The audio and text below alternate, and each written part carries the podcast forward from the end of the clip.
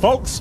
In 1984, the techno mega giant band named Yes released a song in which they assured us that the owner of a lonely heart is much better than the owner of a broken heart. Yeah, great song. I remember. As do we all, Mike, as do we all. But my point is simply this. They introduced a profound topic and then barely scratched the surface. They told me nothing. Uh, How does the owner of a lonely heart compare to, say, the owner of a broken gas fireplace? Or for that matter, to the owner of a perfectly functional cheese slicer? Well, as the owner of a lonely heart, how do I stack up against the owner of a pencil? I mean, come on, yes. I don't think it's up to yes, to come up with every possible permutation Well, they of it. brought it up, Mike, and there's so much more to consider. What about the owner of a parcel of land in Montana versus the owner of a pie? We'll be right How does the owner of a jar stack up against the owner of a split level?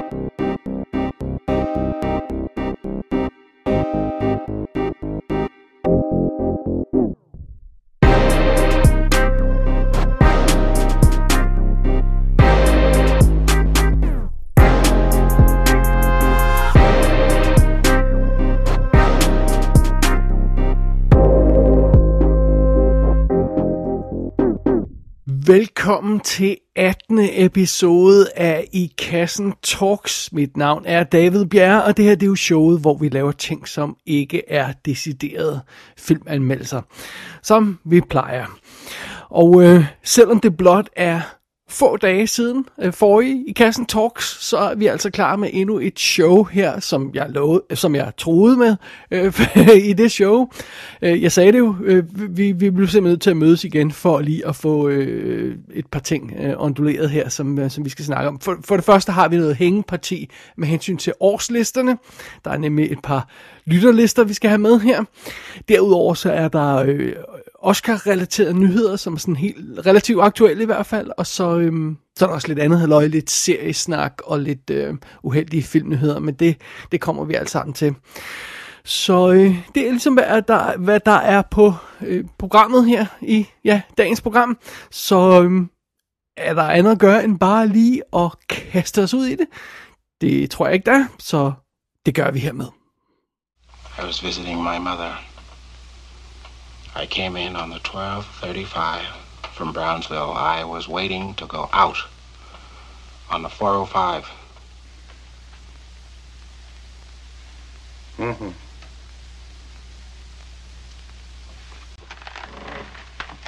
Yeah. In the meanwhile, you just killed yourself a white man, just about the most important white man we got around here, and picked yourself up a couple of hundred dollars. I earned that money 10 hours a day, seven days a week. Colored can't earn that kind of money, boy. Hell, that's more than I make in a month. Now, where did you earn it? Philadelphia, Mississippi? Pennsylvania. Not just what you do up there in little old Pennsylvania, earn that kind of money. I'm a police officer. vi starter lige med de der uheldige filmnyheder, som jeg snakkede om lige før, fordi, øh, altså, der er simpelthen røget en hel del folk i svinget her på det sidste, og, øh, og det, jeg, jeg snakker normalt ikke sådan, hver gang der er nogen, der dør, dør nogle, nogle skuespillere, nogle, nogle filmfolk, der dør, så jeg snakker ikke om det hver gang, men øhm, altså, øh, det var bare sådan adskillige store folk, og så var det sådan i træk. Så, så jeg synes bare lige, vi, vi fortjente at, at nævne de her folk. Og øh, en af dem, der, øh, der, der desværre øh, ikke er med os mere, det er jo simpelthen Peter Bogdanovich, der døde som 82 år gammel her den, øh, ja, for, en, for, en, for en uge siden, øh, godt og vel, i, i, forhold til optagende stund her. Øh, stor, berømt instruktør, og øh, blev savnet af mange, og øh, 82 år kunne han da godt have holdt lidt længere, så, så det, det, det, det er selvfølgelig ikke så godt. Derudover så døde Sidney Poitier, som øh, jo altså godt nok var 94 år gammel, men han er jo også sådan et skuespiller-ikon uden lige, og det var vist nærmest samme dag, som Peter Bogdanovich han døde. Så det var sådan ligesom også, okay, en af de store sådan, kendte mastodonter i øh, amerikansk øh, filmhistorie, der sådan er, er død, øh, som øh, Øh, en, en, en vigtig person på mange måder, øh, og, og, og selvfølgelig en fantastisk skuespiller. Så han var død, døde jo altså så også. Det var her i det nye år i 2022. Men lige før vi kom ind i 2022, så døde Betty White. Og hun satte jo altså træskoen på, på jeg tror det var, ny, ja, det, det var nytårsaften vores tid, der var, jeg tror det var der nyheden kom. Øh, og det var altså 17 dage før hun blev 100 år. Og nu er jeg ikke kæmpe Betty White-fan, men man er selvfølgelig bevidst om hende. Om ikke andet kender man hende jo fra Lake Placid. Øh, men, og, og en masse andre ting naturligvis. Men altså, hun har også ligesom været med os i, i, i sagens natur i mange år, i det, at hun nærmede sig 100. Og det, det var også bare sådan... Ja, man vidste selvfølgelig, hun, det ikke, hun ikke ville holde så meget længere, men det var også bare sådan, ah, kunne hun ikke lige holde 17 dage til, så hun kunne have blevet de 100 år. Og så hjælper det jo naturligvis heller ikke på situationen, at hun dør tre dage efter, at hun på sin Twitter-konto tweetede næste nummer af, øh, forsiden på næste nummer af People Magazine ud, hvor de hyldede Betty White for at blive 100 år. Det tweetede hun selv ud tre dage før hun døde. Ej, det, det, det er bare, det, det er skæbnesevni der. Det, det er altså ikke, det, det er bare ikke godt. Det, det har jeg det ikke godt med. Så, alright, så Betty, Betty White, hun er heller ikke med os mere. Og så her for nylig, ganske pludselig, midt i det hele, så døde Bob Saget. Og han var altså kun 65 år gammel, og måske kender man mest Bob Saget fra sådan Full House, og måske så man ham på America, America's Funniest Home Videos, hvor han var rimelig anstrengende værd i nogle år. Men måske man, ved man ikke, at han har jo lavet stand-up lige siden, øh, han, og, han, og hans stand-up, Bob Saget stand-up, er raunchy. Altså, tak skal du, altså han siger nogle ting, og, øh, og så laver han alle mulige øh, mærkelige andre ting. Han har jo instrueret ting, Bob Sack, eller havde instrueret ting, og, og, og, og, og havde planer om at gøre det, og så var han jo en kæmpe fortaler for, for, øh, for, for forskellige velgørende organisationer, blandt andet noget for, øh, nu kan jeg ikke lige huske, hvad sygdommen hedder, det. Er sådan en helt speciel sygdom, som hans søster døde af, som han har samlet ind til i mange år, og har været en af frontfiguren for den organisation, der sørger for det, og, og alt sådan noget der, og nu, ikke fordi jeg er stor Bob Saget-fan, men han var, han var sådan en, en, en netop fordi han var stand-up, og så var han sådan en af de typer, der dukkede op tit på Kevin and Bean Show, som jeg altid hører øh, på podcast, som jo desværre er lukket ned nu, men, men øh, og han var altid så sympatisk, altid super rar at høre på, og man blev sådan godt humør, når Bob Saget dukkede op, han var altid vanvittig og sagde mærkelige ting. Igen, meget raunchy image som komiker, meget andet end det, han havde på Full House. Så, så det, var, det, var, det var fedt, og han var i fuld gang med at lave en, øh, samle en ny stand-up special, som han mente skulle være hans, hans store stand-up special, som han blev husket for, og, og, og så finder de ham død på et hotelværelse i, i en alder af 65 år. Hvis nok bare helt af naturlige årsager. Så Ja, så, så, så, så slutningen af 2021 og starten her på 2022 var altså rimelig hård, hvis man sådan fulgte med i celebrities og, og celebrity dødsfald. Der røg altså nogle, øh, nogle, nogle, nogle, nogle folk af format, og ja, som sagt, det er ikke noget, jeg normalt omtaler så meget, men jeg synes bare, det var så, så, så overvældende, så vi vil nødt til at have det med her. Så, øhm, så de folk er med nu, og rest in peace til alle sammen, og, øhm, og vi kommer selvfølgelig til at savne dem øh, øh, i, i større eller mindre grad, afhængig af, hvor stor fan man var af det materiale, de lavede, men altså, ja, so, too bad, so sad, som man siger. Alright, det var bare, det, jeg synes bare lige, det skulle med her up front. Men nu kan vi så kaste os over en af de ting, som egentlig er øhm, det her programs øhm, øh, hovedemner, og det er jo simpelthen lister, top-bottom lister fra lytterne. Broadsword calling Danny Boy. Broadsword calling Danny Boy. Over. Broadsword calling Danny Boy. Broadsword calling Danny Boy. Over. Broadsword, sir. Danny Boy calling broadsword. Come in, broadsword. Over. Macpherson murdered. Thomas Christensen and Barclay captured. I'm effecting entrance within the hour. Please have transport standing by. Over. Pull out now, Broadsword. Save yourselves. Over. You must be joking. Over and out. That is an order, Broadsword. Over.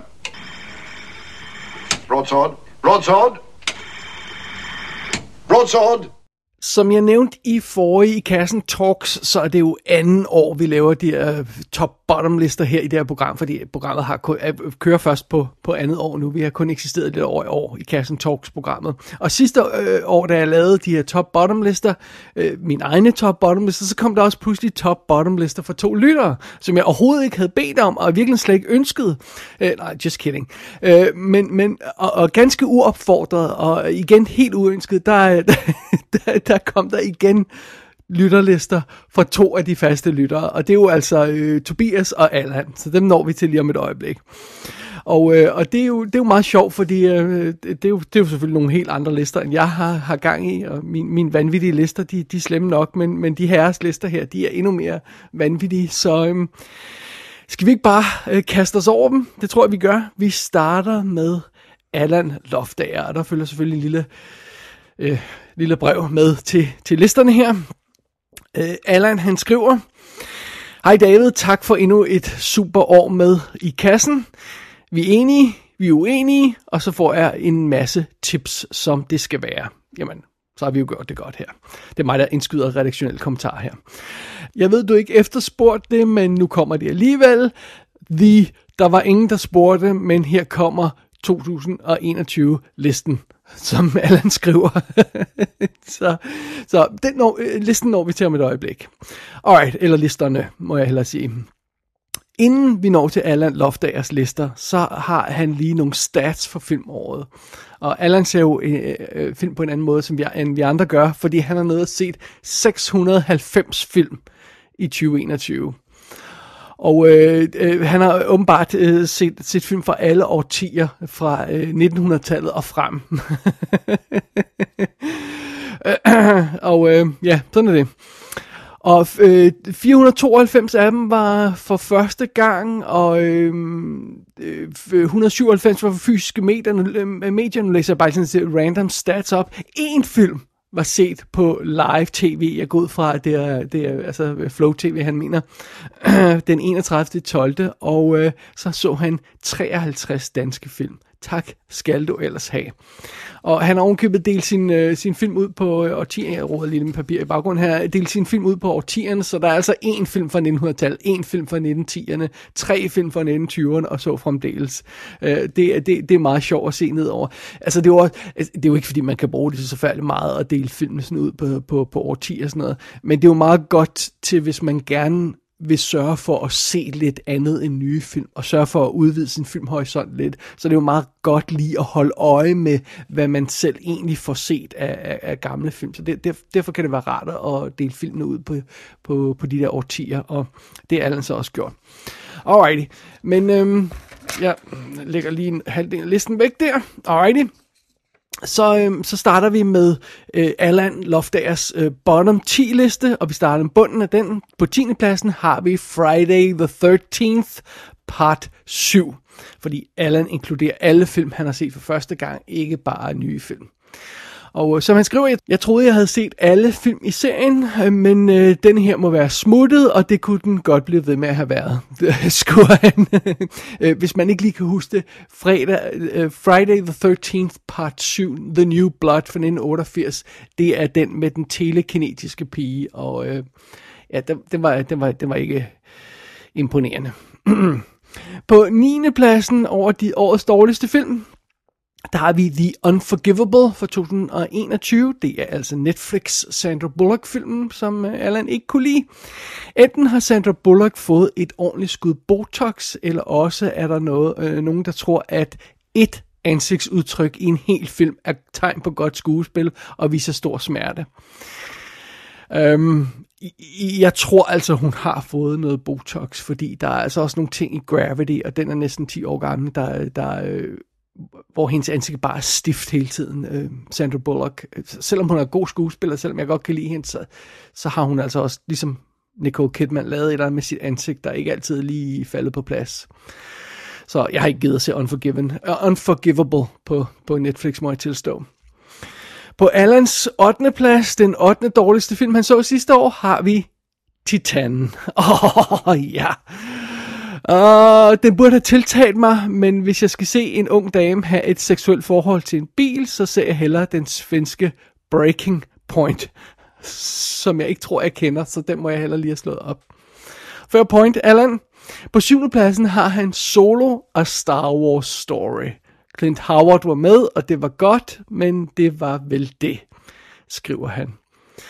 Og endnu en reduktionel kommentar. Jeg tror, den var på øverst på min, øh, min topliste det år, den havde, den havde premiere 2018. Så øh, der, der er vi ikke helt enige. Men øh, fair nok, det skal der også være plads til.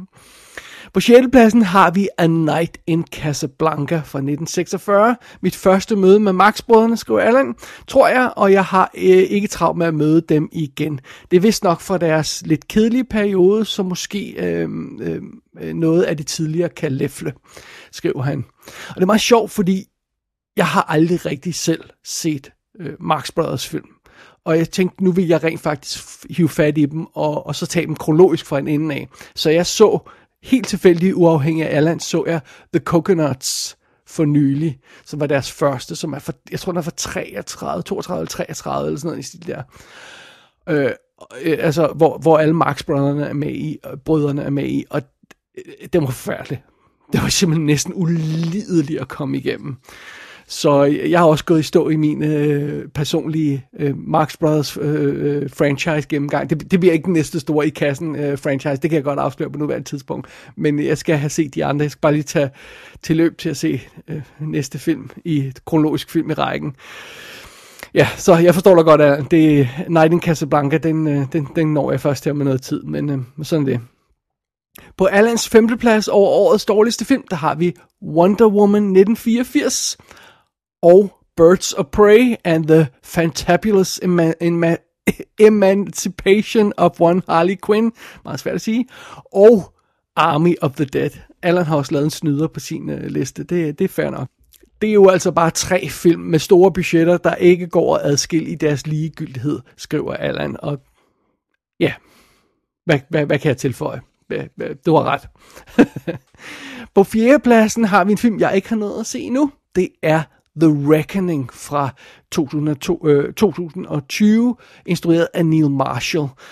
Øh, Neil Marshall er tilbage, skriver Allan, desværre ikke med noget kvalitet, men den er da ufølt komisk en gang imellem. Den har jeg altså også kun hørt dårligt om, uh, The, The Reckoning, og så er det også det der underlige med, at hans kæreste spiller hovedrollen i den, og det er hende, der er midt i sådan en seksuel skandale om noget i, I, I don't know, det, det virker som, ja, det virker ikke godt, og det er det så åbenbart heller ikke. På Allans tredje plads har han Prospect fra 2018.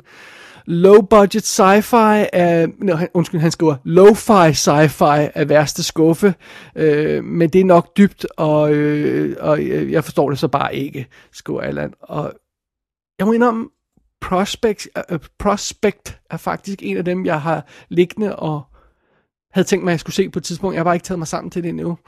Mm, måske skal jeg udskyde den. I don't know.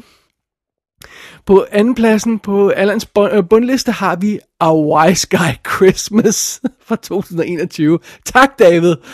Uh, det bedste, man kan sige om den, var, at den var meget kort, og at det var en julefilm. Se, Allan, da jeg sendte dig på Facebook, sendte dig coveret til A Wise Guy Christmas, øh, der var det faktisk ikke med intentionen af, at du skulle se den. Det var med, at du skulle se coveret. Du, du skulle ikke finde film og se den, for den så forfærdelig ud, og det var den så åbenbart også. Well, yeah, yeah, yeah, what are you gonna do?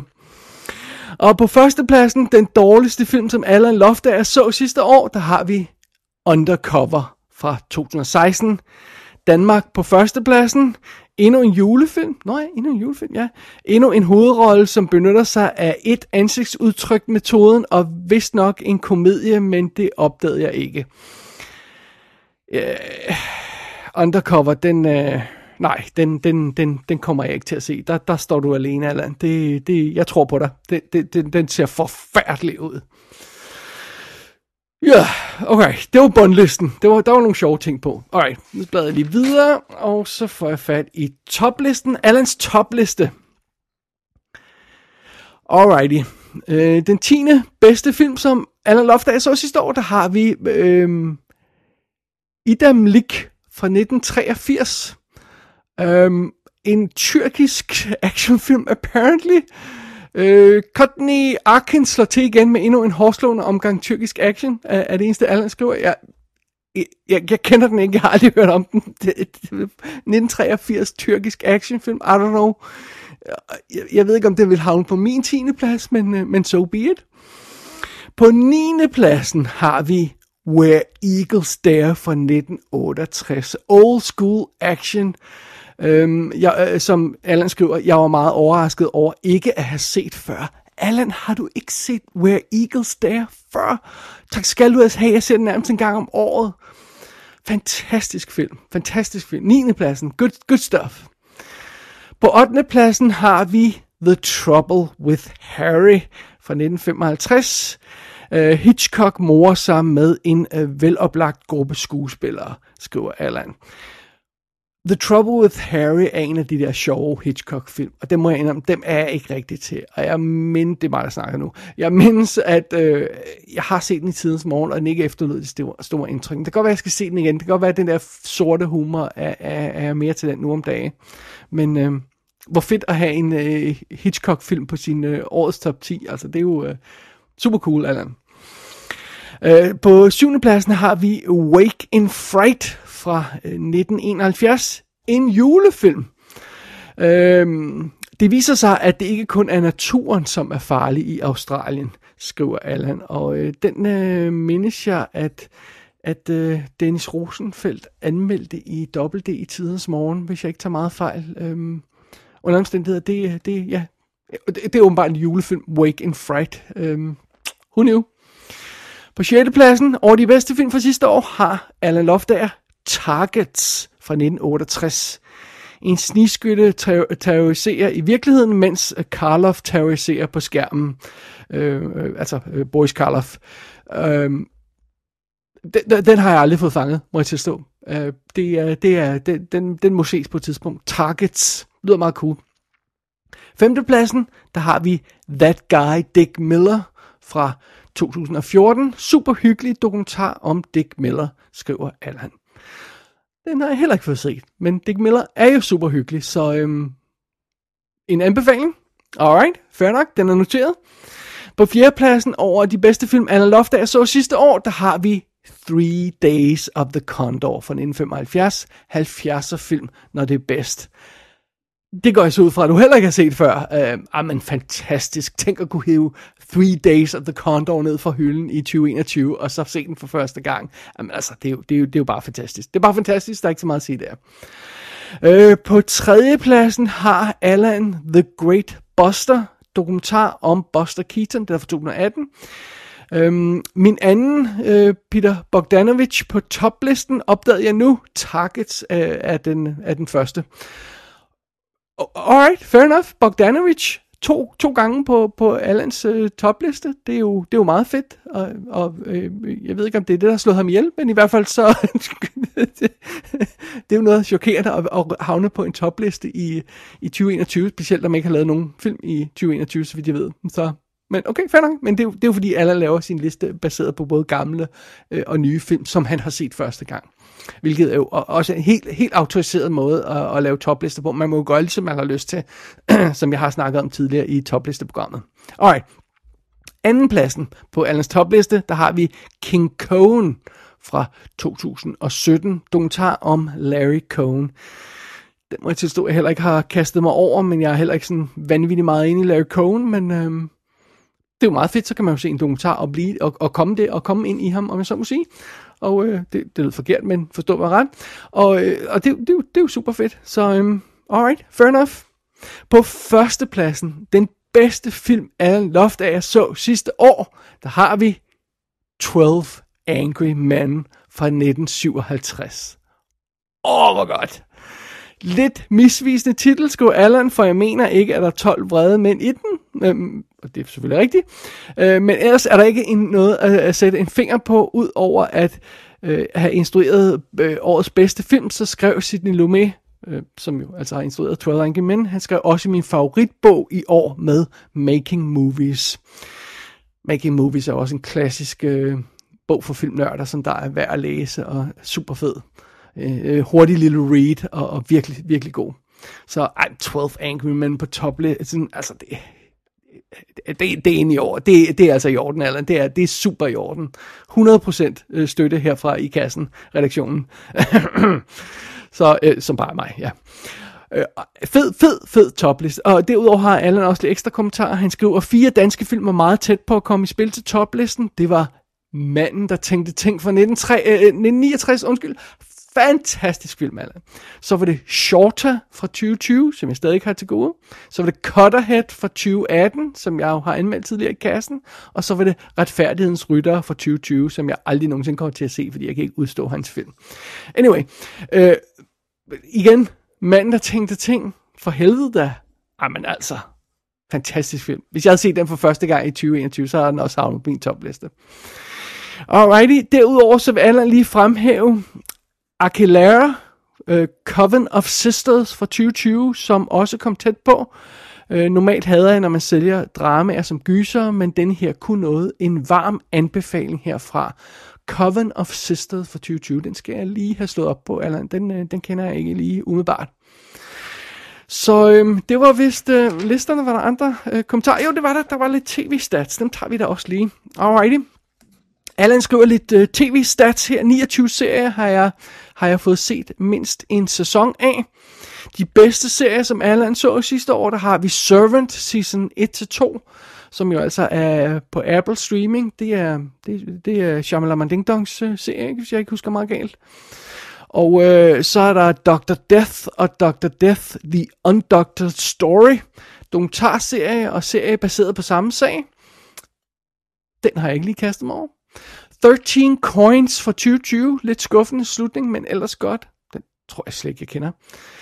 What We Do in the Shadows, sæson 1-3. Spas med vampyrer, der blev rigtig godt, den løsrev sig fra filmen. Fair enough. Den, øh, jeg, jeg tror ikke, den humor helt er til mig, så jeg, dem har, den har jeg undgået, så hvis jeg skal være helt ærlig. Og øh, Allan havde på, på listen over de bedste serier, som øh, tv-serier, som Allan har set, der har han også Line of Duty sæson 1-6.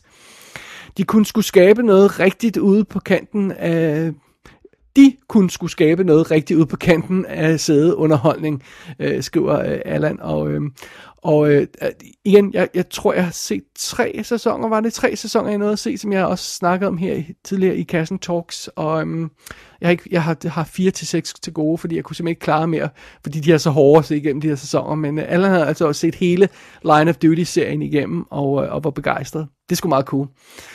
Og øh, endnu en til toplisten. Vigil fra 2021. Tak, David. Det var super spændende. Ah, det er godt, Allan. Super, super fantastisk med en ubådsserie. Øh, serie. så, øh, jamen altså, I, I like it. I love it. Sådan er det. Alright, så har vi også de værste tv-serier, som Allan Loftager så sidste år.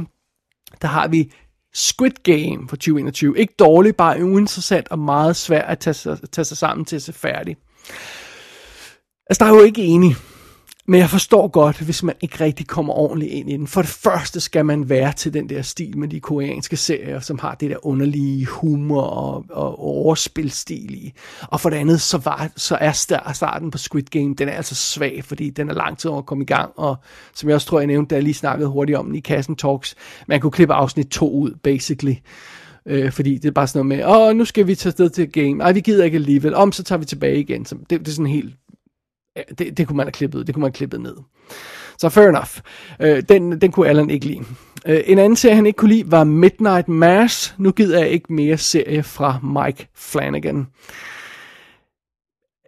Jeg har øh, holdt øh, to episoder af øh, The Haunting of Hill House, og, og, og der, der sagde jeg nej tak til mere Mike Flanagan, så, så øh, du er altså kommet længere, end jeg er, Allan, øh, fordi det her det er hans hvad, tredje serie på Netflix eller sådan noget, og der er også et par gyserfilm. I don't know. Jeg følger ikke med i ham, så fair nok.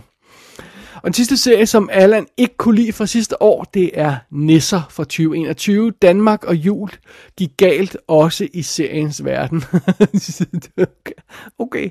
Han sagde godt nok til mig, at jeg skulle se den, den kære Allan, men jeg, jeg fik simpelthen ikke taget mig sammen. Eller øh, lad mig sige på den måde, jeg havde ikke rigtig tid i, øh, i december til at få set Nisser. Var det på Netflix? Jeg tror, det er på Netflix. Øhm, så jeg kan jo prøve igen næste år og, og anmelde den, hvis jeg vil udsætte mig selv for det selvpineri der. Sådan er det. Jeg tror, det var alt for Allan Loftager i den her omgang. Top, top, øh, top bundliste øh, fun her, og, øh, og, og, og stats og, og tv-serier. Jamen, øh, jamen det, var, det er jo fantastisk, og nogle rigtig, rigtig fede titler på, øh, på, på listen der. Lad os se, om øh, næste lytter kan gøre øh, Allan kunsten efter. De lyder ikke særlig samarbejdsvillige. Få mig ud herfra. så skal jeg fortælle dem alt. Åh, ja, det er ikke at tage tingene i den omvendte rækkefølge. Fortæl mig først alt, og så skal jeg hjælpe dem. Nej, Dr. Holst, det er ikke mig, der skal hjælpes. Det er dem. Åh, oh, ja vel, ja, og jeg kan forstå, det er dem, der skal hjælpe mig. Hvad skal jeg her? Rummet, sengen, vinduerne, træmmerne. Udskriver de mig, så lover jeg, at de skal få forklaring både på cigarerne og cognac. Herr Steinmetz, de er ikke helt rask. Jeg skal vise dem en verden, som de ikke anede eksisterede. Jamen, så har vi jo en stak lister fra med bobler og det hele og alt muligt andet fra Tobias Nielsen. Jamen dog, jamen dog. Øhm, øh, Tobias skriver, sådan så øh, var det tid til årlisterne, årslisterne. Juhu! Alright, øh, hvad du vælger at stille op med den, øh, altså listen, øh, det er helt op til dig. Jeg, jeg bruger bare muligheden for at sende den ind som grund til at få taget mig sammen til at lave listen. Øh, og det er jo ret sjovt at til, øh, se tilbage på året, der gik øh, i film.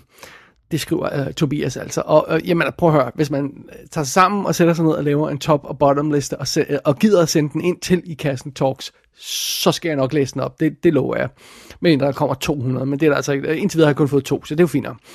Øh, Hvis du vælger at bringe den videre, jamen det er jo det, vi gør nu, så er den som altid bygget op øh, på film, jeg ikke har set før, uanset årstallet. Det er samme øh, metode, som Allan bruger, så det, det er fint nok, det kender vi. Øh, den faldt uden for listen, skriver Tobias, øh, da jeg har set den før, men et shout-out til Color Out of Space, øh, instrueret af Richard Stanley. Øh, jeg var som tidligere nævnt ret splittet omkring filmen efter første omgang, men jeg genså den i cinemateket, cinemateket i år, eller sidste år, øh, til deres øh, store Lovecraft Filmfestival, og øh, denne her gang faldt den i hak, og jeg elskede den. Ikke en perfekt film, men meget underholdende.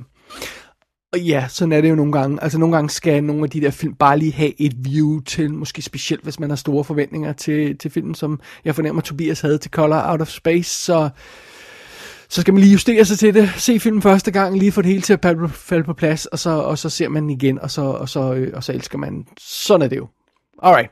Nå, videre til lister og stats, skriver Tobias. Oh, han tager lige også en ekstra besked. Ha' det godt, og keep up the, the good work. Se frem til at finde ud af, hvilken franchise du kaster den over som den næste. Far til fire måske. Du har trods alt gået i, i kødet på ringefilm før, så øhm, øh, i en god sags tjeneste, så nej. Det, det er lige meget, jeg indskyder det. Nej, nej, det bliver ikke far til fire, Tobias. Øh, med venligheden Tobias Nielsen. Så øh, tak for beskeden, men nej. Nej, nej, nej, nej, det bliver ikke far til fire. Det, så meget kan jeg godt love. Ingen gang bare de gamle far til fire film. Nej, nej, nej. Alright. Så øh, går vi videre til top-bottom listerne. Vi, øh, vi starter i bunden naturligvis, og Tobias han gør det sådan, at han har nogle alfabetiske bobler, og så har han en, en top 10 liste både til, til top, øh, øh en 10'er liste både til toppen og bunden. Alright, bottom, bobler, og igen alfabetisk. Birds of Prey and the Fantabulous Emancipation of One Harley Quinn. Ja, den var jo altså heller ikke begejstret for. Den var også på Allans uh, bottom liste, så, øhm, så øhm, Tobias var heller ikke begejstret. Det, det, det, det var, nej, nej. Alright. Øh, Corgi Dansingu fra 2015. I, if you say so, okay. Dungeons and Dragons Wrath of the Dragon God fra 2005. Hvorfor så du den, Tobias? uh, Friday the 13th part 7, The New Blood. Har du også set den? Har, har, har Tobias, har dig alle set film sammen? Bare sig det nu. Det er okay, jeg bliver ikke sur. Det, det er altså, ja, det igen, øh, den er fredag den 13. film med den telekinetiske pige, som af en eller anden grund ikke bruger sine telekinetiske kræfter til at splitte Jason i, i adskillige dele. Men, øh, og den var ikke god, nej. Så ja. Og så Willis Wonderland har øh, Tobias også på sin bottom bobler liste.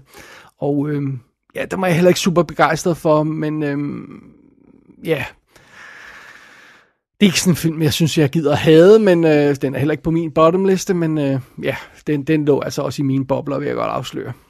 Alright, så går vi i gang med den rigtige bottom 10 liste. På 10. pladsen har vi Warcraft fra 2016, instrueret af Duncan Jones. Sigi helvede uden humor og fantasi, skriver Tobias. Yep, det øh, kan jeg kun tilslutte mig. Øh, og så skriver han øh, på 9. pladsen Fjellbakkemoren, nummer 5. Havet giver, havet tager. Okay, er det sådan en eller anden øh, svensk-norsk øhm, øh, øh, krimi-tv-filmserie, tror jeg nok det er. Øh, den er fra 2013. Komplet ulogisk krimi, der ikke gør øh, karaktererne rette. Alright. Det er jo bare nogle karakterer, man burde kende. Ej, det gør jeg altså ikke. I'm sorry. Øh, på 8. pladsen har vi Sveto Mesto fra 1990. Øh, bygger på samme historie som Vai. Hvordan siger man det? V-I-Y. Vej, er det så, man siger det? Ja. Øhm, men det gør, øh, men, men, men, men det er utrolig meget dårligere på alle planer, øh, siger øh, Tobias. Okay, den, den er jeg heller ikke faldet over. På syvende pladsen har vi Erna i krig fra 2020. Nok den kedeligste film på listen, den er bare så fantastisk ligegyldig. Jeg tror på det. Det er altså en dansk film, jo. På 6. pladsen over de dårligste film, Tobias så sidste år, I krig og kærlighed fra 2018, øh, også en dansk film. Flotte billeder, alt andet er, er en endeløs pine. uh, ja. På femtepladsen, The Outsider fra 2019. En simpel historie, der ikke kan finde øh, hoved og hale i, hvad den vil vise os. Hmm, The Outsider fra 2019. Har jeg set den? Det kan jeg ikke huske. Så har den ikke gjort noget indtryk. Øh, på fjerdepladsen har vi Fjellbakkermoren 3. Øh, Tysk Ungen. Også fra 2013. Øhm, det er tydeligt at se, at ingen i den her filmproduktion har læst bogen, som filmen er baseret på. Så jeg ved ikke, om det betyder, øh, Tobias, at du har været igennem hele serien af de her øh, Fjellbakkemoren. Øh, fordi der, der er jo adskillige af dem, og, og, og, og resten var så var okay, og de her to var virkelig dårlige. I, I, I, I don't know. Men det kunne man forestille sig. På tredjepladsen over de dårligste film, Tobias så sidste år, der har vi øh, De Forbandede År fra 2020, som jo altså 2020, ja, som, øh, som jo altså så nu øh, øh, er blevet retconnet til at hedde De Forbandede År del 1, fordi der kommer en del 2. Øh, hvor ringe skal en film være, når selve crewet sviner den til på diverse review sites? Gør de det? Det havde jeg ikke set. Fantastisk. Øh, på anden pladsen på Tobias' bottomliste, der har vi La Mansion de los øh, øh Cthulhu fra, fra 1991. Ikke skræmmende, ikke sjov, ingen Cthulhu. What the hell?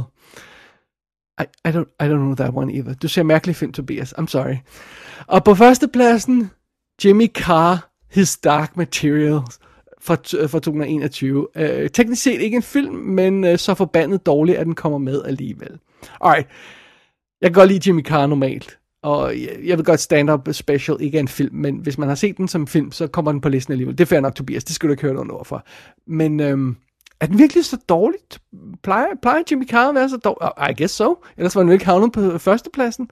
Nogle gange kan han være lidt irriterende, men for det meste synes jeg, han er meget sjov. Alright, fair enough. Det var øh, Tobias Nelsons bottom liste. Så skal vi til toplisten, og der starter vi med lidt top bobler. Igen alfabetisk. På top boblerne har Tobias Antlers for 2021. Øh, Scott Cooper, den har jeg ikke fået fanget endnu. Den er vist på... Hvad er den på? Ikke Netflix. Er den på Disney Plus? Eller sådan noget stil? Den er på en af streaming servicen. Nu kan jeg jo ikke huske, hvad det er for en, jeg har faldet over den på. Men øh, ja, Alright, så har vi Jingle Jangle A Christmas Journey fra 2020. Fair nok. Knives Out fra 2019. Manden, der tænkte ting fra 1969. I har siddet og set film sammen, Tobias og, og, og, og Allan. Det har I altså. Det, det vil jeg våge påstå. Det er fair nok. Øhm, jeg håber, det var corona-sikkert afstand, I så filmene øh, sammen med, men, men sådan er det. Alrighty, øh, fantastisk, at den øh, mand, der tænkte ting dukker op igen. Simpelthen så god. Øh, øh måske nok en af de bedste danske film nogensinde, fra 1969. Øh, Midsommer fra 2019, og der må jeg indrømme, Tobias, den har jeg simpelthen ikke fået set, fordi jeg synes simpelthen, at øh, hans forrige film, som jeg lige i siden stund har glemt titlen på, øh, Hereditary, øh, at den var så dårlig, at det, så, så nej, der, der kunne jeg ikke overskue at se mere Ari Aster film, så øh, nej, Midsommer var, var, var en top bobler for Tobias, men fair nok. Once Upon a Time in Hollywood, altså Tarantinos film, var også en øh, bobler, og The Dick fra 2021 var også. Alright, men det bringer os til den rigtige topliste, som vi har her. På 10. pladsen på Tobias Nelsons top 10 over sidste års bedste film, der har vi Crimson Peak, Guillermo del Toros film. Gotisk gys, øh, givet magi af del Toro og Dan Lausen. Fair nok. Øh, jeg, øh, jeg var ikke super begejstret for den, men jeg tror godt, hvis man er til det gotisk, så kan jeg godt forestille mig, hvad vi kunne lide Crimson Peak. På 9. pladsen har han Veje fra 1967, igen det her VIY, halløj. Øh, flot heksehistorie med skældsættende praktiske effekter. effekter. Det, det er jo sådan en klassisk historie, jeg mener, jeg, jeg, jeg kender den ikke så godt, men der er filmatiseret adskillige gange. Sådan er det. Alright. På 8. pladsen har Tobias øh, Bulbul øh, for, for, for 2020.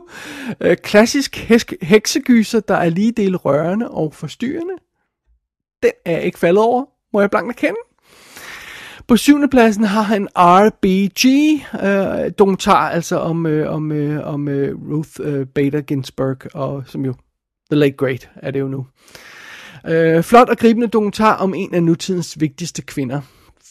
Fedt den er på. Øh, jeg, jeg, jeg mangler at have set den nummer nok til at stå. På 6. pladsen på Tobias topliste, der har vi Marrowbone fra 2017. Klassisk spøgelseshistorie leveret med spænding og hjerte på det rette sted. Det er også en af dem, jeg har haft liggende meget længe, men ikke rigtig har kunne tage mig sammen til, øh, til at se. Så øh, den, øh, det, det må jeg lige have ja, taget mig sammen til. På femtepladsen, Le Appelés, eller sådan noget i stil her fra 2018. Øh, sindssygt stemningsfuld film om underlige hændelser i Paris. Den skal jeg have slået op. Den, øh, det lyder spændende, Tobias. På øh, fjerdepladsen har vi The Autopsy of Jane Doe fra 2016. Fantastisk low-key, creepy om...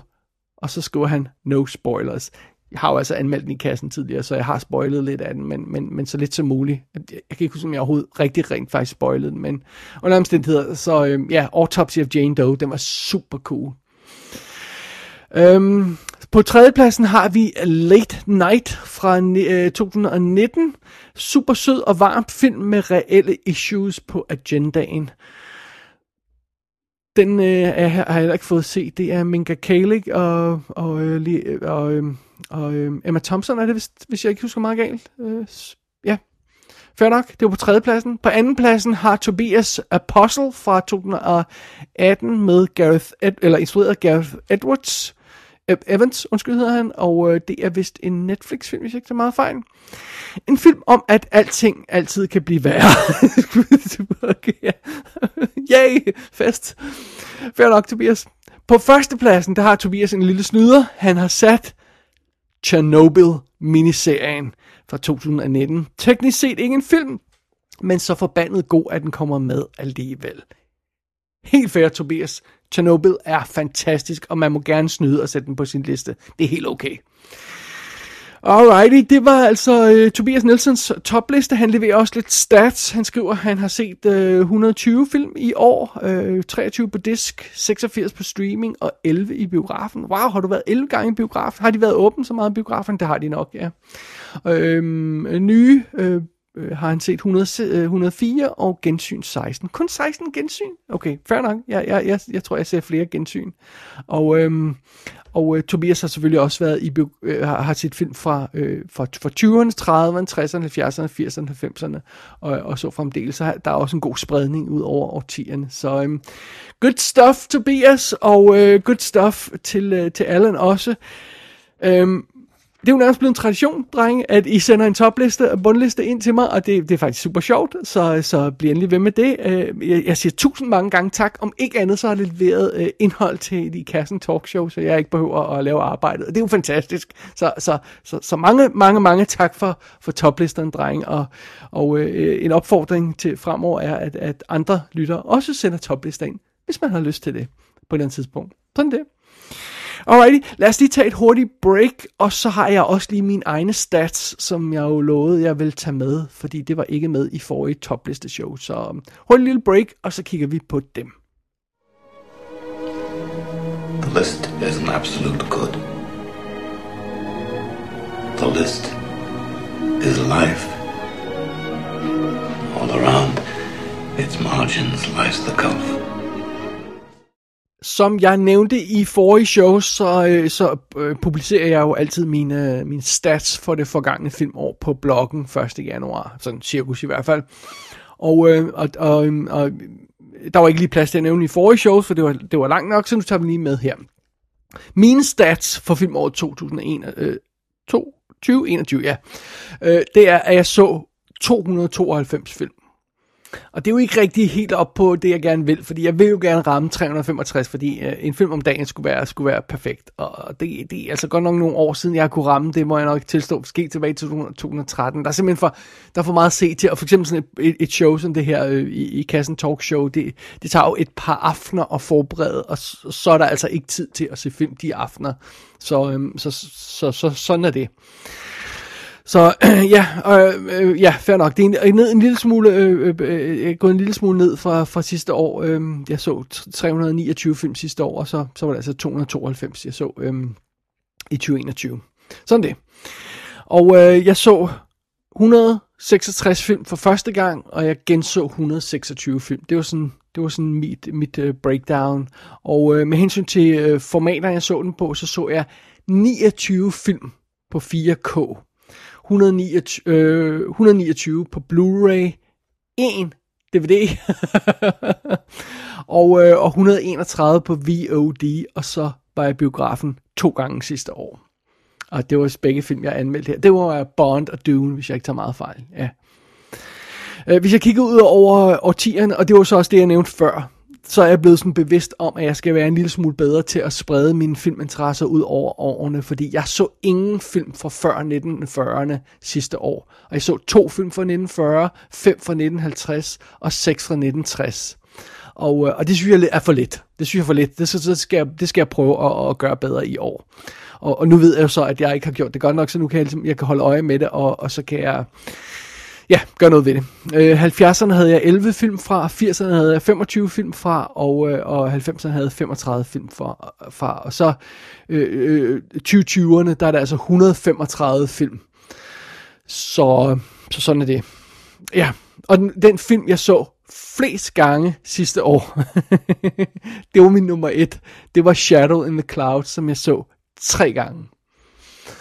Så, det var meget sjovt. Det var mine stats for, øh, for det forgangne filmår. Og så tror jeg, at vi er færdige med lister og stats og hele svineriet for 2021.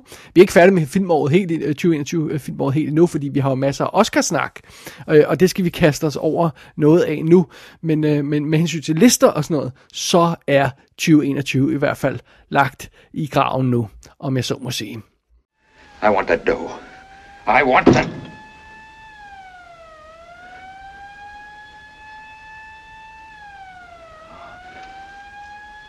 That's why you were stalling, huh? Waiting for the cops.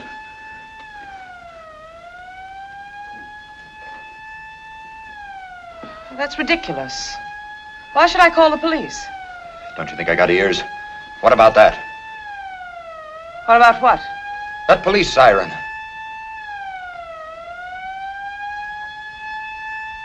I don't hear anything. Som vi har snakket om tidligere, så er Oscarsæsonen jo sådan godt og grundigt i gang, og der kommer jo de her små, hvad skal vi sige, øhm, øh, bølger af information sådan, til os, der, der kan sådan hjælpe os til at, at kigge nærmere på Oscar-ræset. Og en af de faktorer, som plejer at spille meget ind, det er jo altså Golden Globes. Øh, Øh, men i år er Golden Globe, eller sidste år, er Golden Globes jo blevet cancelled, om jeg så må sige. Altså forstået på den måde, at de er ikke i det gode selskab længere. De mistede øh, deres live tv-show. Der er ingen stjerner, der gider snakke om. Der er ingen, der dukker op til showet. Og det, øh, det satte mig jo i en bizarre situation. Man gik ud fra, at de ville så holde pause et år. Men nej, nej, Golden Globes gad ikke at holde pause. Så i stedet for, så annoncerede de deres nomineringer uden nogen bemærkede dem, og nu har de også uddelt deres priser, også uden nogen bemærkede det rigtigt. Well, dem der bemærkede det, gjorde det i hvert fald ikke positivt. Øhm, så de holdt altså, Golden Globes holdt altså her sidste søndag for optagende stund, der holdt de et hemmeligt show, uden der var nogen input, som ikke blev tv-transmitteret og ikke sendt øh, livestreamet noget sted. og der var ingen rød løber, og der var ingen presse, og der var ingen stjerner. og øh, hvordan annoncerede de så vinderne? Jamen det gjorde de via sjove tweets. I shit you not. Hvis man ikke er faldet over det, så skal man altså gå i kødet på de her Golden Globe øh, vinder annoncerings tweets. Et eksempel. Kenneth Branagh has the right stuff. Og så er right stadig med W. Uh, ja, the right stuff. Congratulations for taking home the Golden Globe for Best Screenplay Motion Picture. Um, burde de ikke uh, nævne filmen, han vandt for Belfast også? I, I, I don't know. Yeah, øh, yeah, mm, Nej, det gjorde de så ikke. Så de tweetede alle deres vinder ud, uden at nævne, hvilken film de har vundet for. Og så var det sådan nogle bizarre pony-titler, øh, øh, og, og en af dem var, var specielt god, fordi der, der, der øh, øh, fordi øh, øh, West Side Story vandt for bedste, øh, øh, øh den, den, den kategori, der hedder bedste film, som comedy og musical. Og så skrev de en tweet ud, der roste komedieaspektet af West Side Story, så gik op for, at det var ikke det rigtige, det den havde vundet på, så den tweet blev slettet, og så blev der erstattet med en, der stod, at de roste uh, musical-aspektet af, af, af West Side Story. Det var, seriously, der, var, der var flere, der sagde, jamen, prøv at høre, det er jo fantastisk, de her tweets, for de er fuldstændig on brand for Golden Globe. Golden Globe plejer at være den her øh, sjove øh, prisuddeling, hvor folk er sådan halvfulde, og der går lidt øh, kage nogle gange, og det er sjovt ballade. Så nu har de tweetet, som om de var halvfulde også. Fantastisk. Totalt on brand.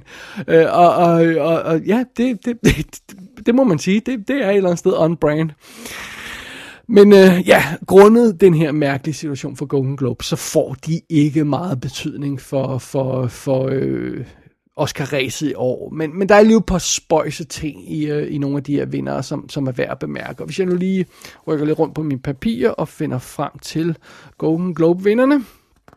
Øh, så nogle af dem, øh, de lægger jo så, så altså op af det, som man vil forvente, at, at øh, Oscar også begynder at, at kigge nærmere på. Altså bedste film øhm, øh, i dramakategorien blev The Power of the Dog, som jo er Netflix's øh, Jane Campion film. Så, så det, det er også en, den bliver godt, godt i svinget til Oscar.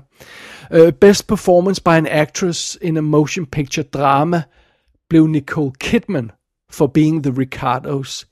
Ikke Kristen Stewart for Spencer, som ellers er, er, er tippet til at ligge øh, bedst i svinget i forhold til Oscar.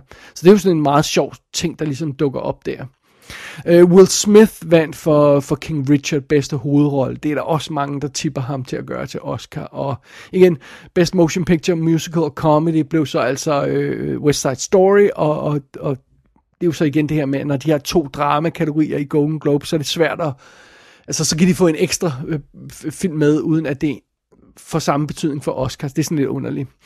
Øh, og i, i samme henseende, så... Øh, så kan de altså give en, øh, en, en, øh, øh, perfor, øh, en, en, en Golden Globe til Best Performance by an Actress in Motion Picture, Musical or Comedy. Den kan de give til Rachel Zegler for West Side Story.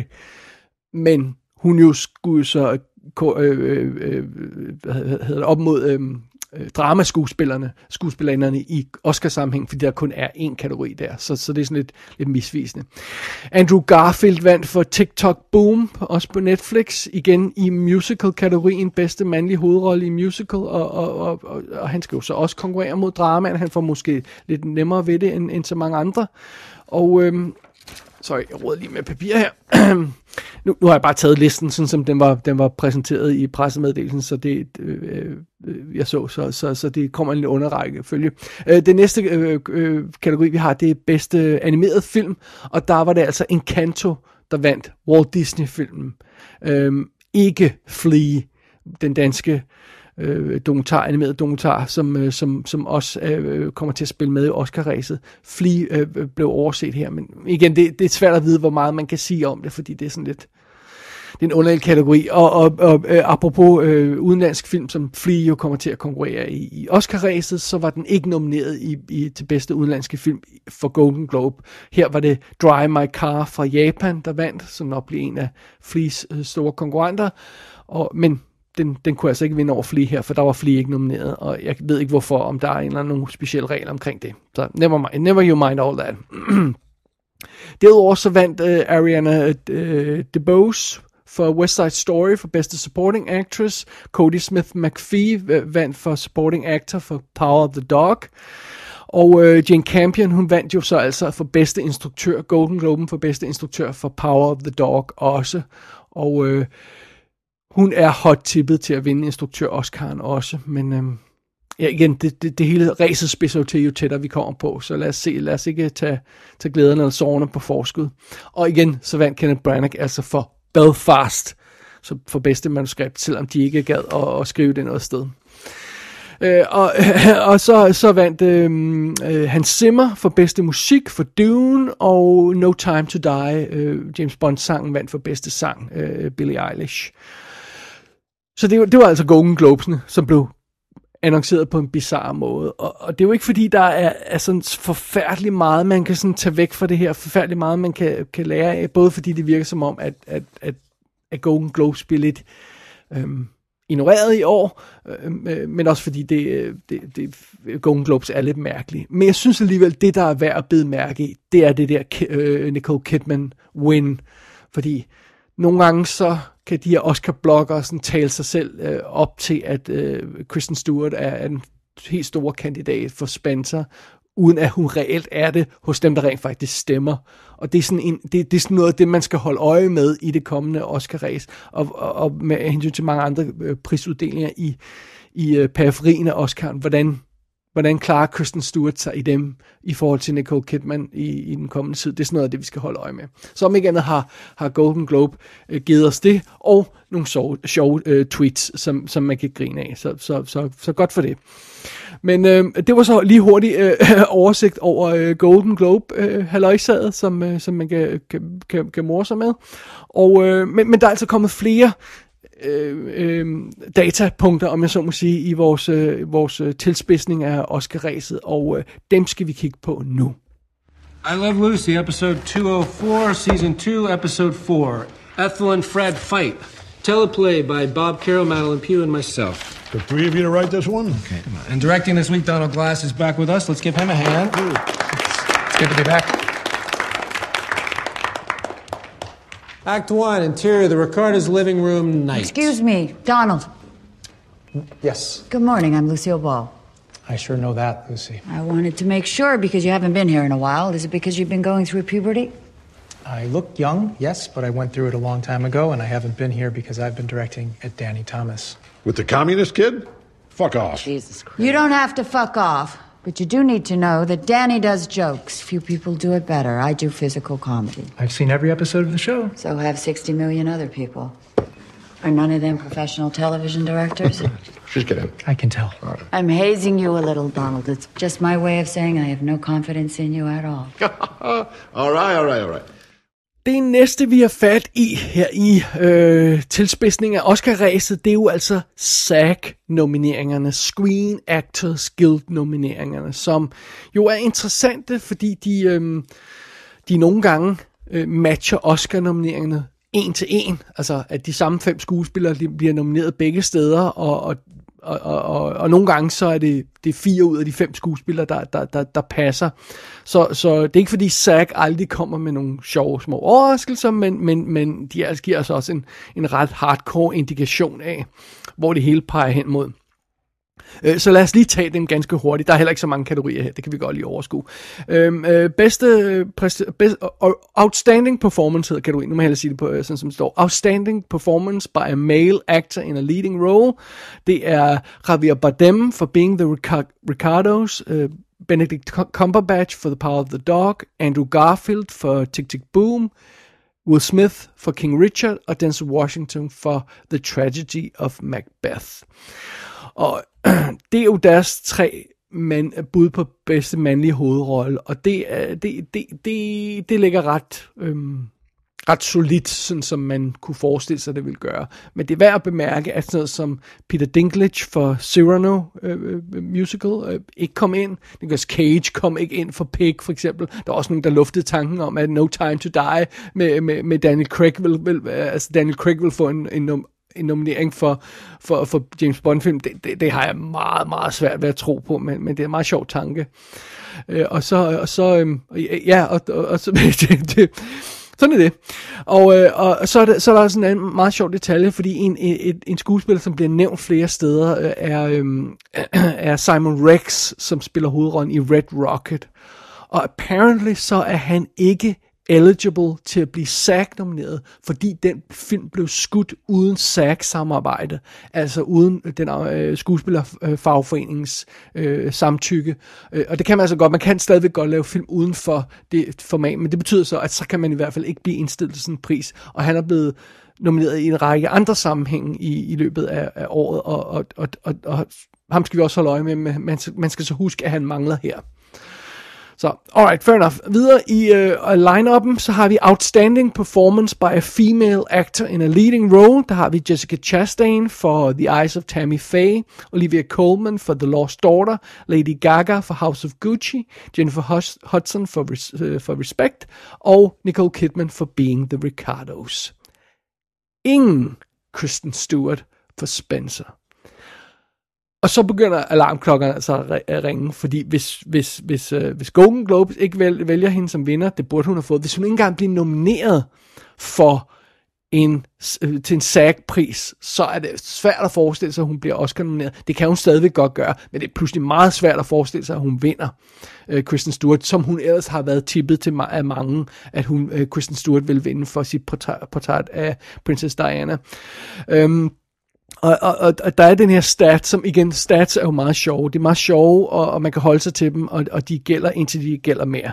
Men i, øh, i, øh, i de 27 år, hvor øh, man har udgivet, øh, uddelt SAG-prisen før Oscar'en, øh, så er der ingen skuespiller, der, øh, skuespillerinde, tror jeg det er, eller skuespiller må det, må det nok være, der har, der har øh, misset en SAG-nominering, og så vundet Oscar'en nej, det er Best Actress Oscar.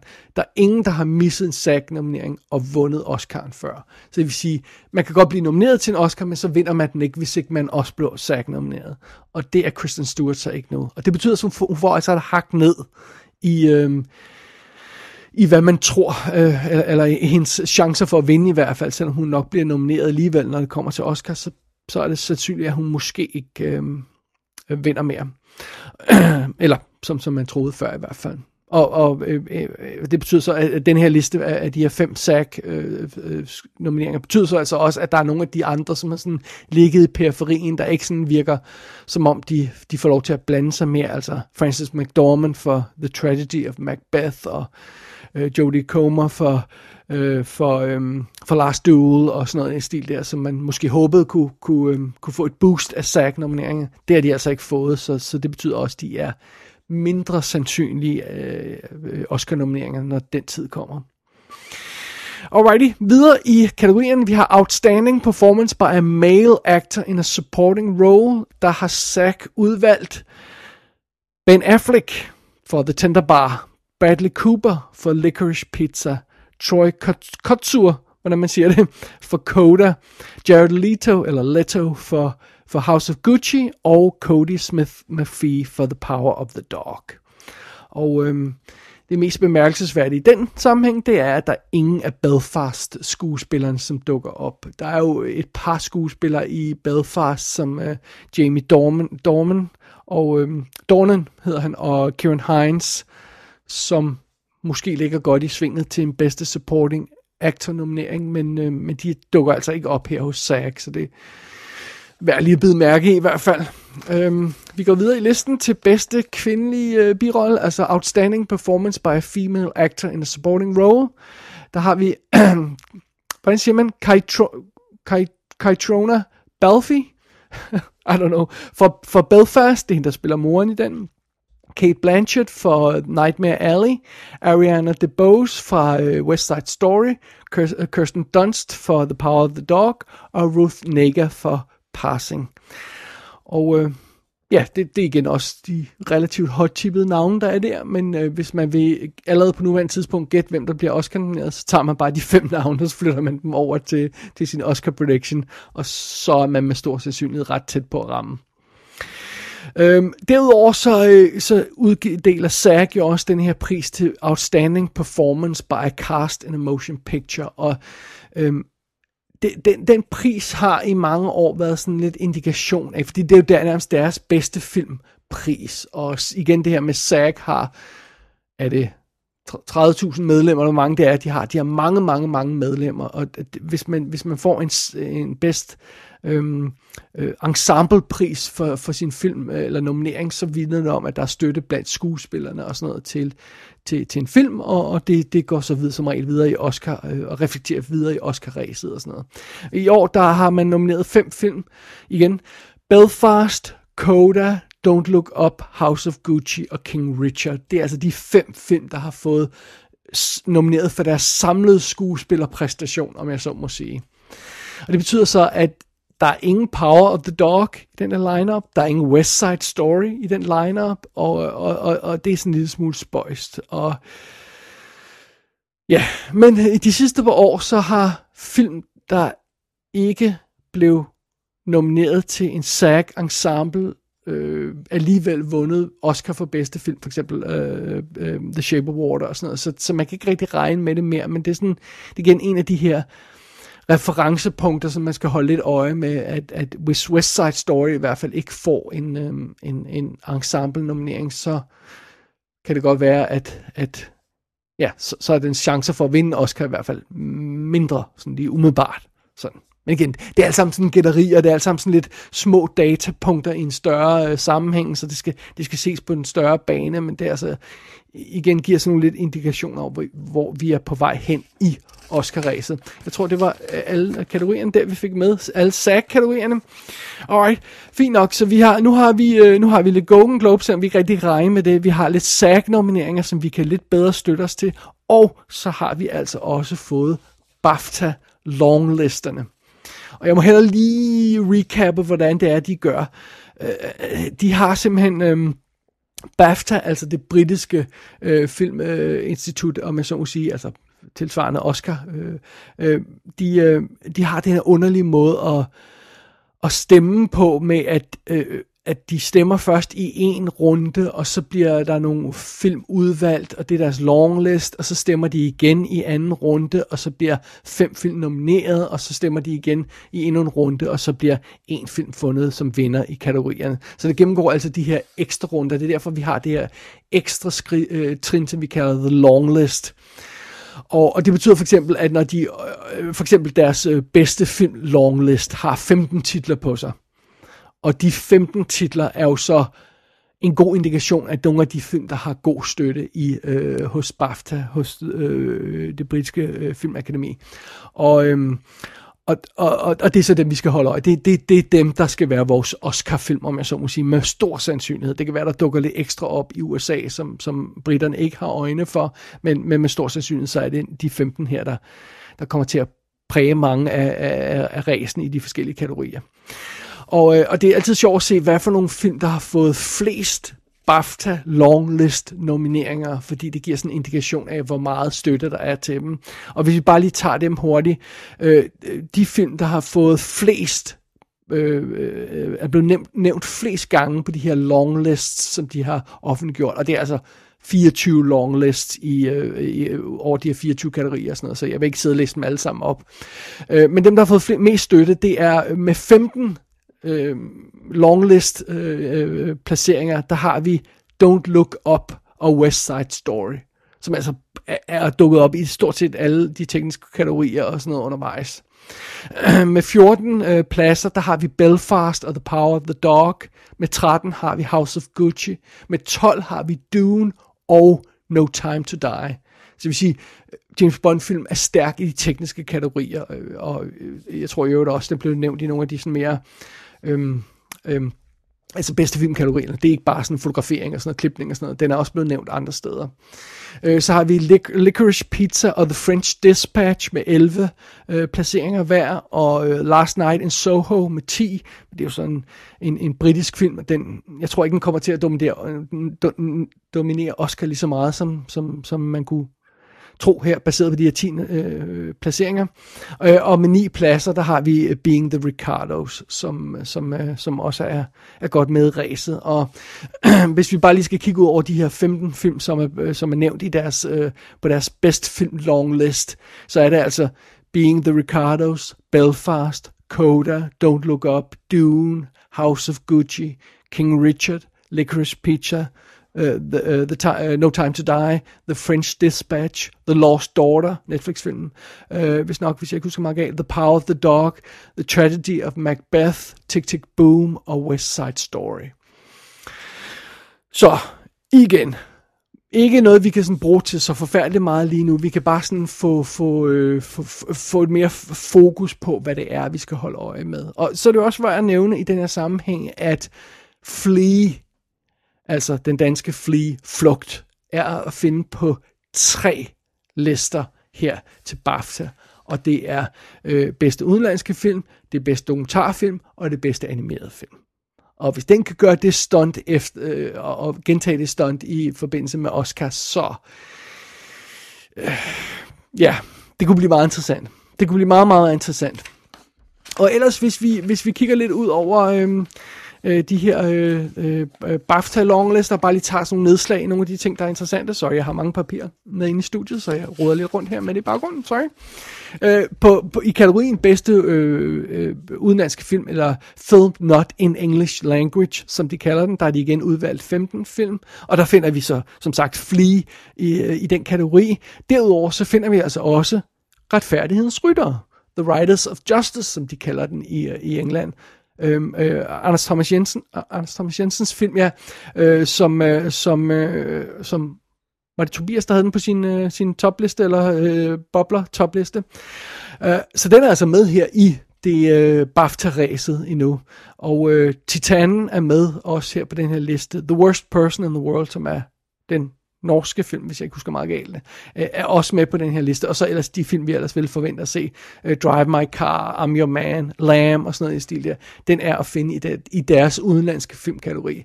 Men det bliver meget interessant at se, når den her BAFTA-liste bliver kogt ned til fem, og det bliver også interessant at se, når hvad for nogen, der havner i Oscar-ræset af de udenlandske film der. Det, det er jeg meget spændt på. Og igen, hvis vi går videre, så har vi øh, Flea både på øh, dokumentar og animeret film, som jeg nævnte lige før. Det er meget cool.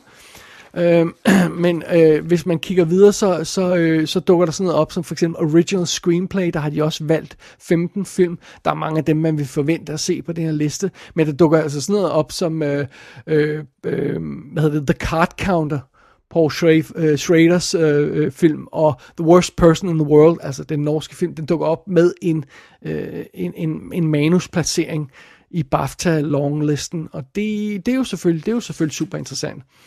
Og igen, de nominerer No Time to Die for bedste, øh, eller de har den med på deres longlist for bedste adapteret manuskript, og, og, og det, det siger måske mere end noget andet, hvor, hvor alvorligt man skal tage det her sådan endnu, fordi No Time to Die har fandme ikke et godt manuskript. Meget kan man sige om den film, men det er fandme et shit-tastic manuskript.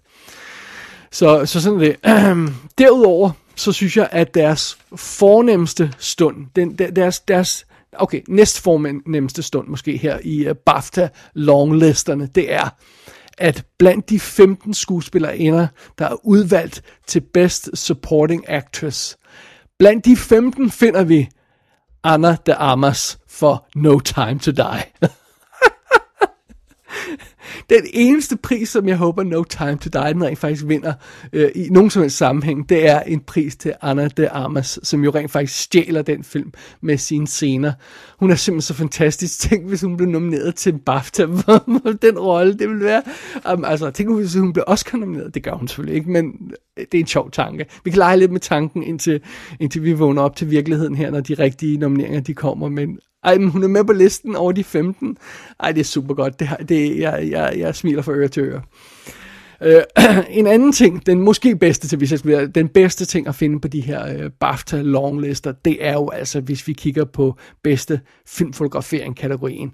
Igen, 15 film er går videre i ræset her, og en af dem er altså Nightmare Alley, skudt af danske Dan Lausten.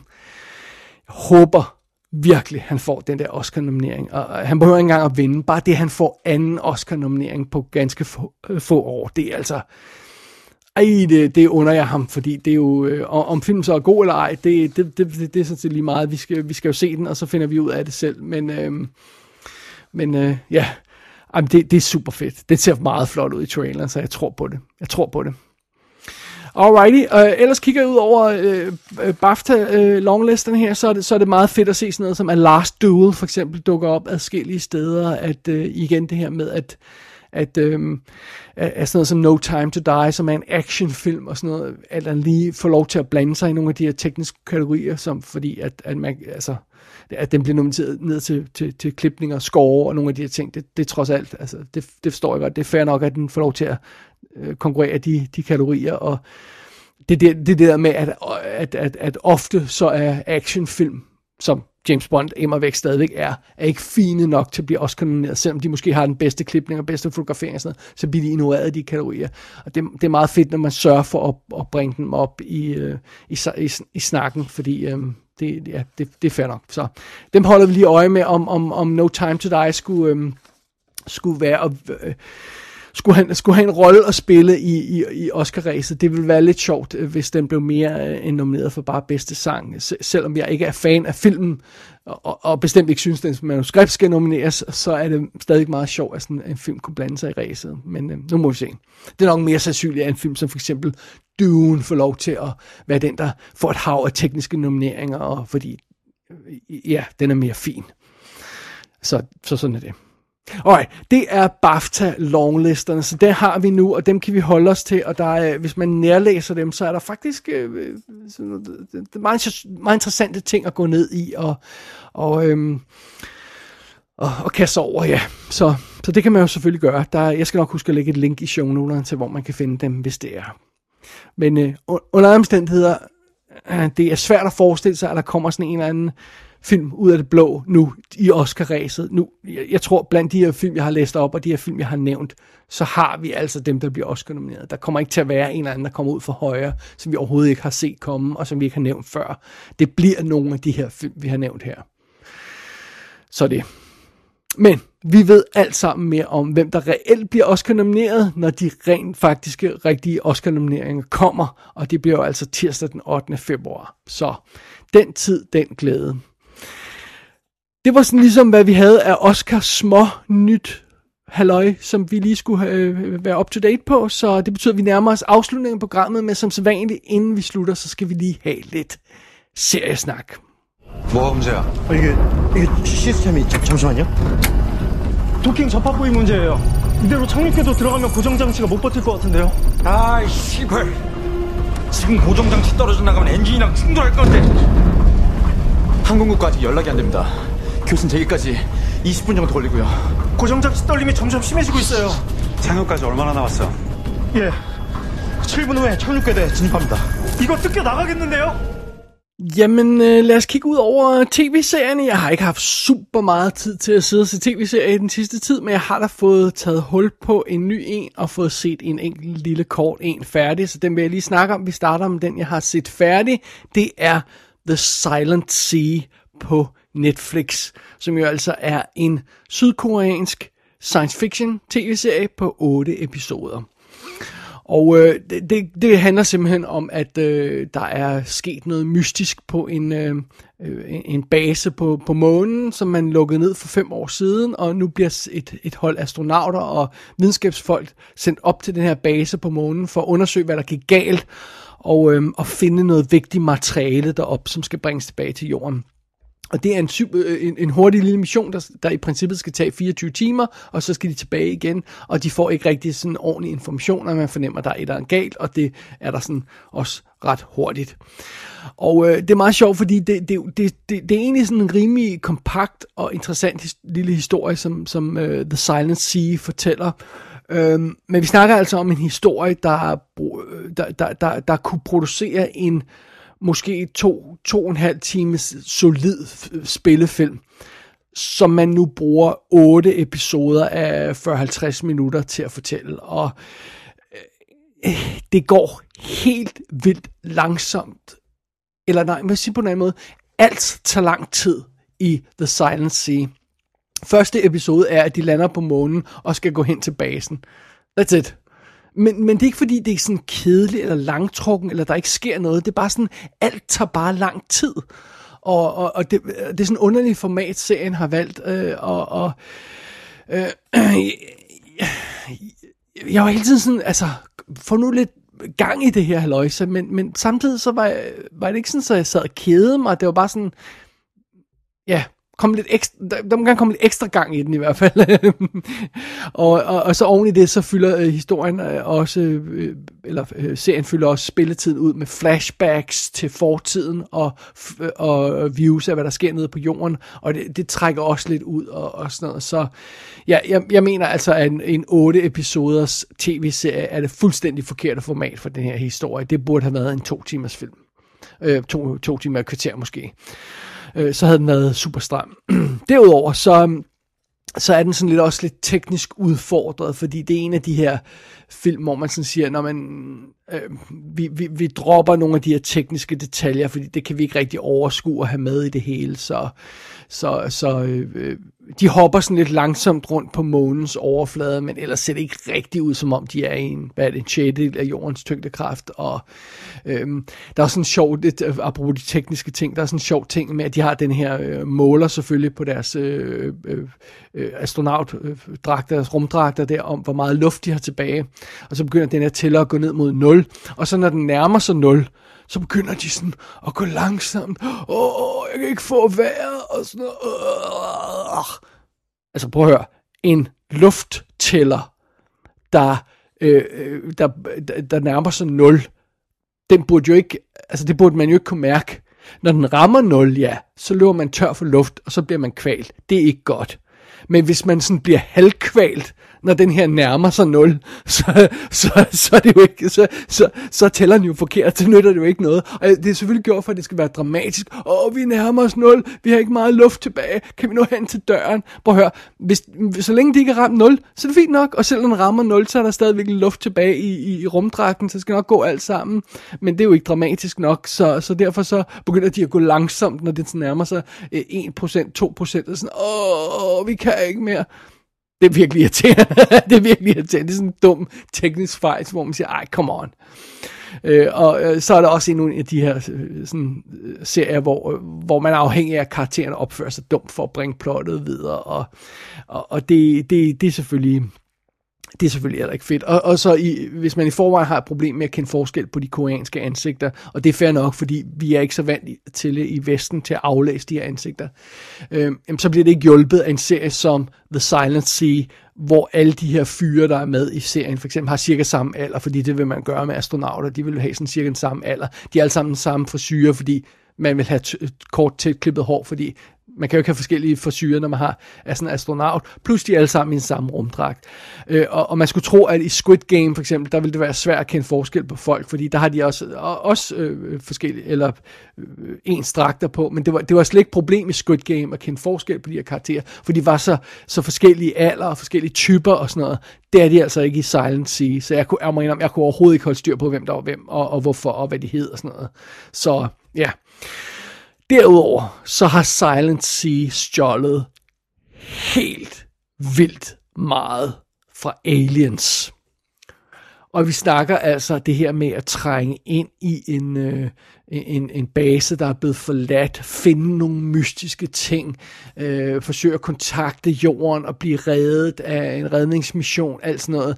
Og vi snakker helt ned til, at stemningen i nogle af scenerne er identisk med Aliens, og der er simpelthen decideret skud og sekvenser, der er stjålet direkte fra Aliens.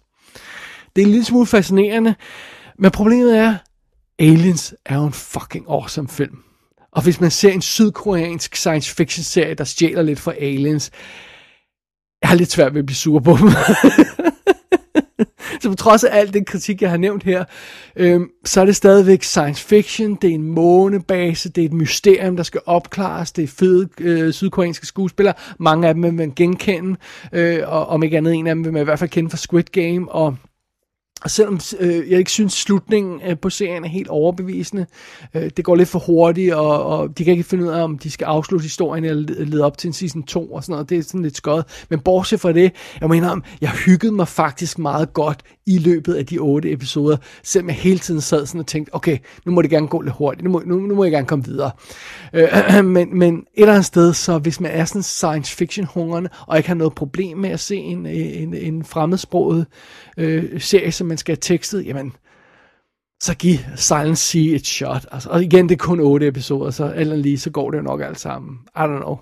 Det, det, det er en underlig anbefaling, I know, men, men øh, jeg, jeg hyggede mig sgu meget godt med den, velvidende, at den var problematisk, så øh, øh det, det, det bliver den underlige konklusion på det her. Så Ja, sådan er det. Alright, det var den ene serie, jeg nåede at se. Den anden serie, som, jeg, som ikke er færdig sendt endnu, som kun har sendt tre episoder, den har jeg lige nået at tage fat på og se de tre episoder. Øhm, lad os prøve at høre et lille lydklip fra den. And here you see the businesses that were under the protection of the name that should not be spoken. You can say Jabba. Under the protection of Jabba the Hutt. He's dead. He can't hurt you.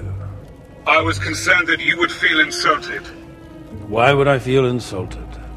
because you felt threatened. Well, now I am insulted. Apologies, Master Fett. Can you just get on with the briefing?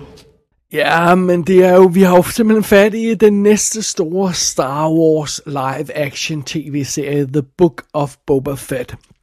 Som jo, al- som jo altså blev hintet til i slutningen af anden sæson af The Mandalorian. Der fik vi sådan en lille teaser til den, og jeg, jeg går ud fra, at de er i gang med at lave Mandalorian season 3 i øjeblikket. Jeg ved ikke, om de er gået i gang med at skyde den, øh, men den kommer i hvert fald som minimum til slutningen af året, så indtil da, så får vi denne her. Og, og det kan også godt være, at uh, Obi-Wan-serien når at komme før, før tredje sæson af Mandalorian. Det er jeg faktisk ikke klar over.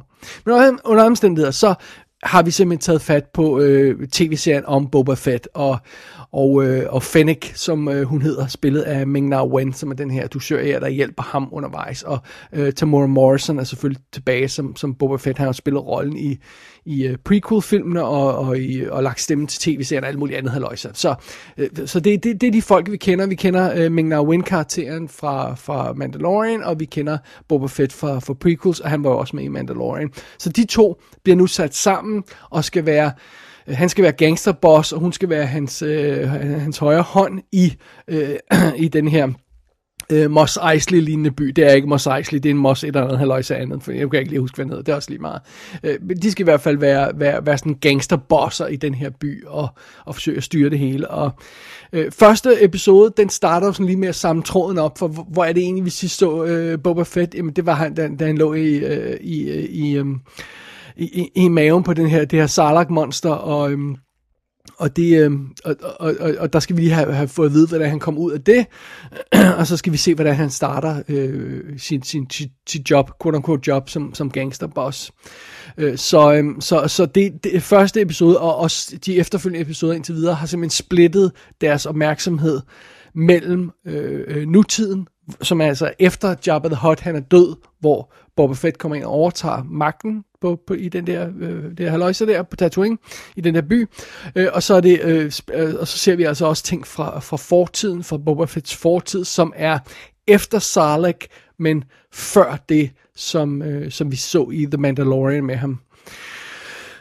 Og jeg mener, først, nu har de sendt tre episoder so far af The Book of Boba, Boba Fett, og, og første episode var, var, var rimelig svag, og um, igen, Boba Fett, han er, virker som en uh, lige så dårlig og inkompetent gangster, som, som Mandalorian var, var øh, uh, dusør i. Altså, det er virkelig imponerende, at han ikke var slået ihjel i første episode, men, men så so, so be it. Uh, første episode var lidt svag og, og, og, og fungerede ikke rigtigt. Anden episode, var lidt mere sjov. Og specielt på grund af fortidshistorien, hvor vi ser Boba Fett, han bliver han forsøger at komme på fødderne igen, efter han er blevet spyttet ud, eller kravlet ud af Sarlacc øh, mund der. Og så, øh, så, så hugger han simpelthen op med nogle sand people.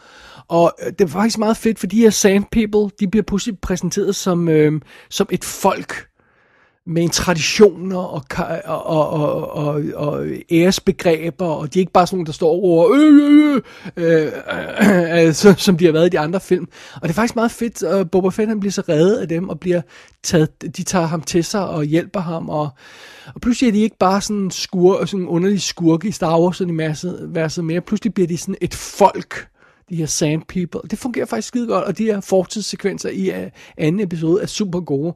Uh, nutidssekvenserne fungerer stadig ikke helt. Uh, og det bringer os videre til episode 3, som igen er en lille smule bedre end episode 2, hvor, uh, hvor uh, nutidssekvenserne, hvor ga- Boba Fett skal være gangsterleder, uh, gangsterboss, det, de, betyder, de, de begynder virkelig bedre, at det er sådan noget med, at der er en gadebande, der skaber problemer, en gadebande af unge, der skaber problemer.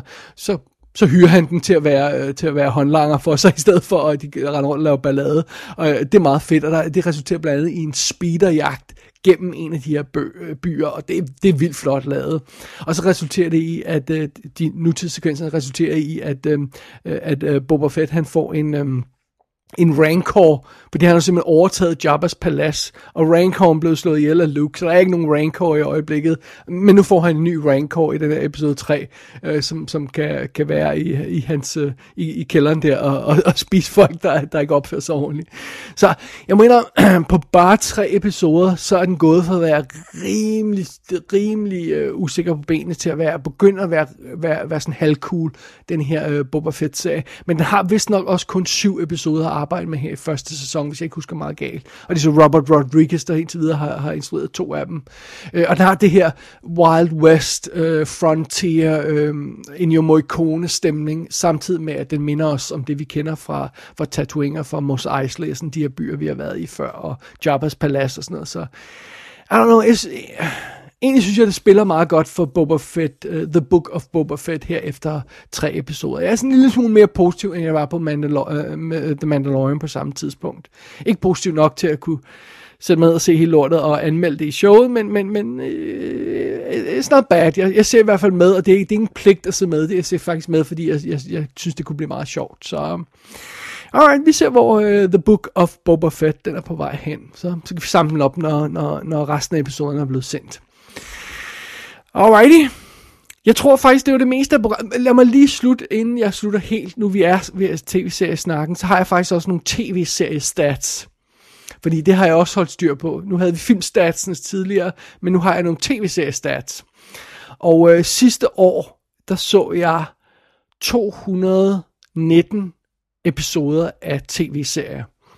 Og det er altså ikke med game shows, QI, uh, øh, House of Games, nogle af de her tv uh, sjove shows, jeg ser, uh, uh, sådan noget, men uh, hvad hedder det, uh, Pointless og sådan noget i den stil, som jeg sidder og ser nogle gange bare for sjov. Så det er altså almindelige tv-serier. 219 episoder fik jeg set.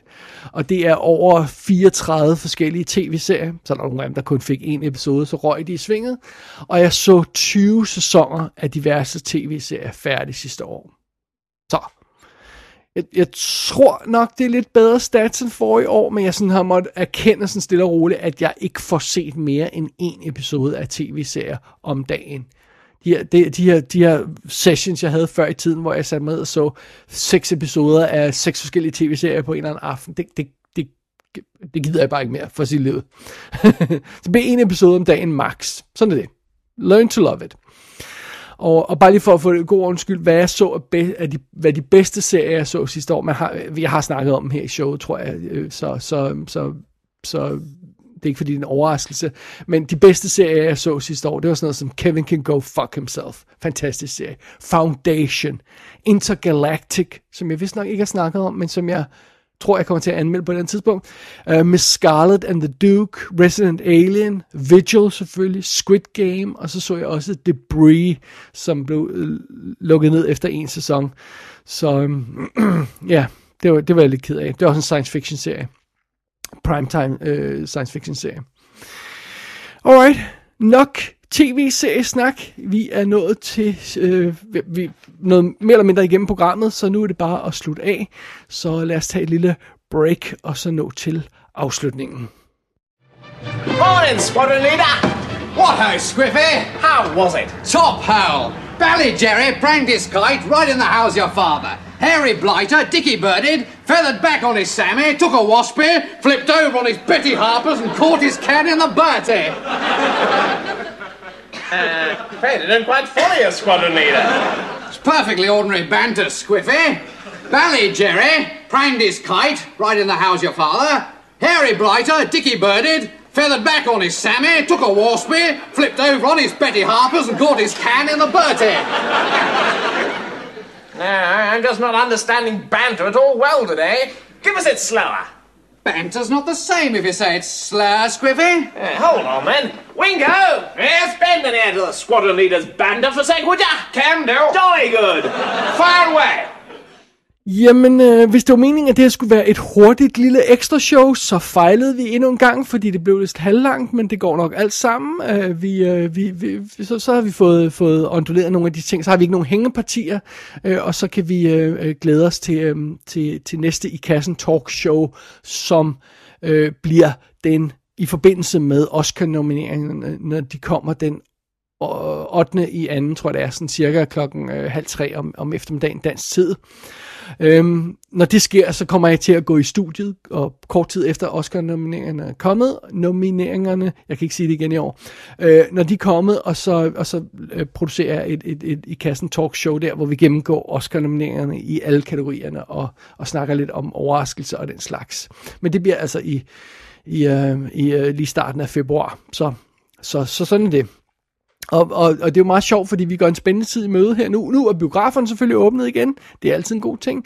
Og derudover så øh, er, har Oscarshowet åbenbart annonceret, selvom jeg ikke rigtig kan finde ud af, hvor de har gjort det hen. De har åbenbart annonceret, at der bliver en vært til Oscarshowet den her gang. Og, og, og hvem det så skal være, det skal vi holde øje med i den nærmeste tid.